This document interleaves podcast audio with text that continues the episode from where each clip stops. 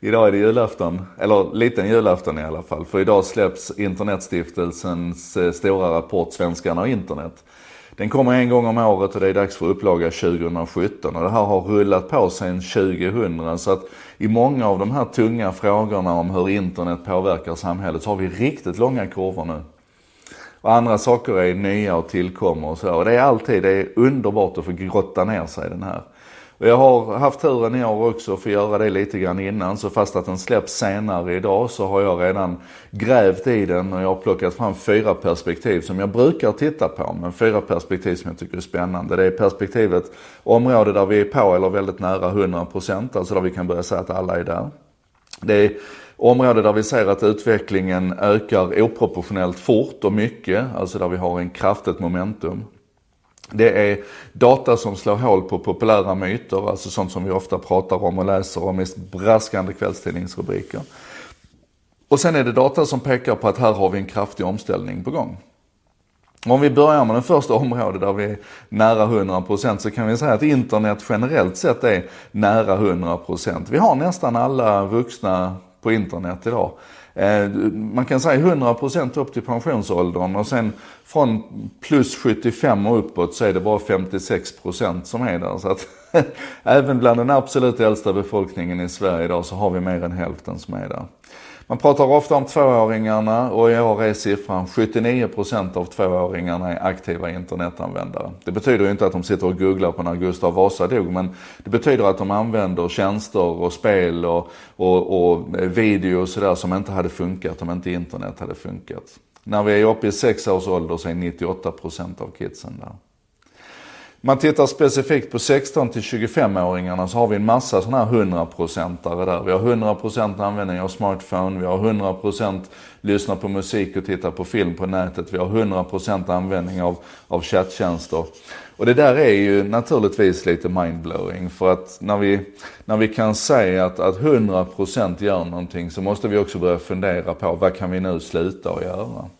Hur, hur påverkar det här till exempel behovet av traditionell postgång, sånt som har diskuterats här nu. Eh, och näthandeln är ju stark där också. 9 av 10 näthandlare, det är 96-97% i åldersgruppen mellan 26 och 45 år som, som handlar på nätet.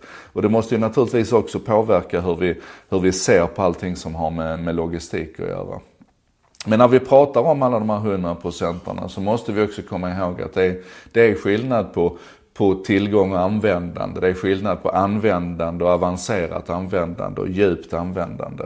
Och, och en, en sån sorglig sak där tycker jag, det är till exempel att av de här, den här äldsta befolkningen så är det fortfarande relativt få som har en smarttelefon, alltså en smartphone. Um, och, och, det betyder att användandet kommer inte så nära dem. Så att även om jag är glad åt att 56% är där nu så är jag lite mindre glad åt att det känns som att de missar en massa saker. De tittar inte alls lika mycket på, på video på nätet till exempel. De hänger inte alls lika mycket i de sociala kanalerna och sådär. Utan det är ett ganska grunt användande. Och där har vi mycket kvar att göra. Får inte tala om den, den rent allmänna digitala kompetensen, hur viktig den är att den följer med upp i, i åldrarna. Men det kommer vi tillbaka till när vi pratar om att slå hål på populära myter tror jag. Det andra som jag tycker är spännande det är det här med utvecklingen där vi ser ett oproportionellt ökande, alltså där det, där det verkligen tar fart. Och typexemplet och lite grann arketypen för det, det är ju Swish. Um, åtta av tio svenskar med smartphone, som har en smartphone, använder Swish idag. Eh, för, för, bara två år sedan så var det fyra av tio. Och det här är alltså en tjänst som egentligen inte fanns före 2013. Så att här kan vi, här kan vi prata om en, en otroligt accelererande kurva som naturligtvis måste börja plana av nu för att det tar ju, ni vet det går ju trögare mot slutet att nå de där sista 100 procenten. Man kan ju säga att Swish i princip är en, en etta också, alltså där vi, där vi är nära 100 procent redan nu. Och då måste vi börja tänka på det här som jag sa, vad kan vi sluta göra? Hur påverkar det här till exempel behovet av kontanter? Och det i sin tur leder oss in på tankar om fördelar och nackdelar med ett kontantfritt samhälle där vi i Sverige är väldigt långt framme idag, for better for worse. För när kontanterna försvinner så försvinner ju också möjligheten att göra anonyma eh, överföringar av pengar. Och alla som har försökt sätta in en större eller sätta in eller plocka ut en större summa pengar från banken vet att vi är ju redan där idag. Att det är, kontanter är svårhanterligt i samhället.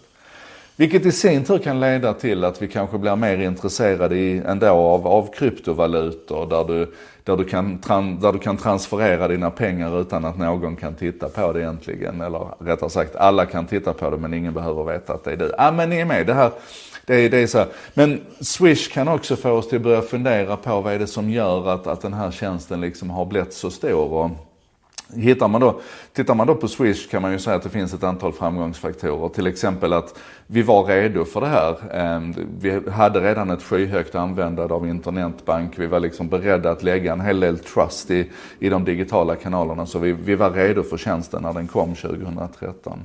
Ehm, den löser ett konkret behov av att skicka pengar mellan privatpersoner. Den gör det på ett princip friktionslöst sätt eftersom det inte är någon transaktionskostnad överhuvudtaget.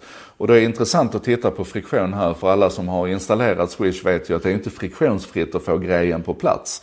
Och byter du telefon så måste du gå igenom installationsproceduren igen och du måste ha ett mobilt bank-id och du måste i regel då gå till den internetbanken i datorn med dosa och grejer. Men ni vet, det är inte lätt att få det på plats och då är det viktigt att friktionen i själva själva det dagliga användandet är extremt låg så att då funkar det. Sen finns det ju en, punkt fyra då är kanske, framgångsfaktor fyra är att det finns en, en viralitet i det här upplägget. Att varje gång jag försöker swisha till någon som inte redan har swish så blir det ju liksom att jaha, har du inte swish? Och så uppmuntrar man dem att göra det och det finns säkert en stark drivkraft här också att ungdomarna som vill att vi ska skicka veckopengen till dem eller vill ha lite akut hjälp med pengar, de hjälper de äldre att installera appen och komma igång med tjänsten och sådär.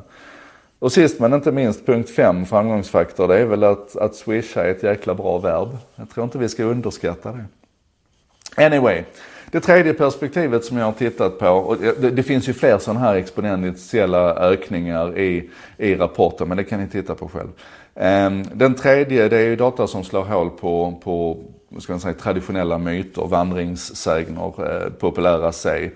Som till exempel att vi måste vara så oerhört oroliga för våra barn och unga på nätet för att de fattar inte källkritik och de är så lättlurade. Så, så är det inte alls. Eh, man kan nästan säga att ju yngre desto mer alert är du, desto mer eh, klarsynt är du i att det finns faror på nätet, att det finns falska uppgifter där ute och så vidare.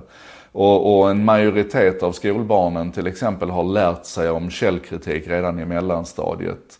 Så jag skulle nog vilja påstå att den stora utmaningen här det är att få de äldre, de som har vuxit upp med idén om att står det i tidningen är det sant, att få de äldre att, att börja ägna sig åt källkritik också. Så det, det finns många sådana myter man kan slå hål på med hjälp av, av svenskarna i internet. Den fjärde, det fjärde perspektivet, det är data där det pekar på en kraftig omställning, alltså någonting rejält som håller på att hända med, med stor samhällelig impact. Och internet som sådant är ju naturligtvis någonting som har stor samhällelig impact. Men om vi gräver ner oss i specifika områden så kan man tycka till exempel att det är väldigt spännande att 51% kollar jobbmailen på semestern, alltså mer än hälften är inne och kollar sin jobbmail under tiden de är lediga. Och då kan man säga att gud vilket gigantiskt problem vi har här. Men å andra sidan så är det 82% som internetar privata grejer när de sitter på jobbet, alltså på sin arbetstid. Är ni med? Vi, vi liksom låter de här gränserna flyta ihop lite grann och jag tror att det är av gott faktiskt. Om vi bara liksom lär oss att hantera det elementet. 64% har nu chansen att tack vare internet jobba hemifrån åtminstone någon gång. Och, och den här gruppen som jobbar hemifrån ofta, den växer enormt. Och det här gör ju att till exempel arbetsplatsen kanske omdefinieras och håller på att försvinna. Vi kan titta på andra sådana så vi kan titta på fildelningstjänster till exempel som nu minskar att betalningsviljan ökar för kvalitetstjänster. Samtidigt som det känns som att digitala prenumerationer på tidningar fortfarande kämpar och så. Hur som helst, ni ska gräva ner er i den här rapporten. Ni får gärna lov att låna mina fyra perspektiv och, och använda dem. Alltså områden där vi är nära 100% och där vi måste börja sluta göra saker. Utveckling som är oproportionellt snabbt ökande. Data som slår hål på populära myter och data som pekar på kraftiga omställningar. Till exempel hur arbetstid och fritid flyter ihop. Ehm, gå in och kika på den. Jag är övertygad om att när det gäller mediebranschen så kommer säkert Emanuel Karlsten och gänget att skriva mer om vad rapporten säger om det. Och jag vet att när det gäller sociala medier som är ett tungt element i den här rapporten så ska ni gå till Social by Default som släpper en bloggpost nu också klockan sju där de pratar om det här. Så eh, låt oss gräva tillsammans och i kommentarerna till den här långa, den är nästan 10 minuter lång nu, när den är över 10 minuter långa, en sak idag, så får du jättegärna lov att, att hjälpa till och bygga på och skriva vad du tycker är spännande i svenskarna och internet. Och den släpps alltså här nu under förmiddagen idag. Så att eh, det blir en dag med svenskarna och internet.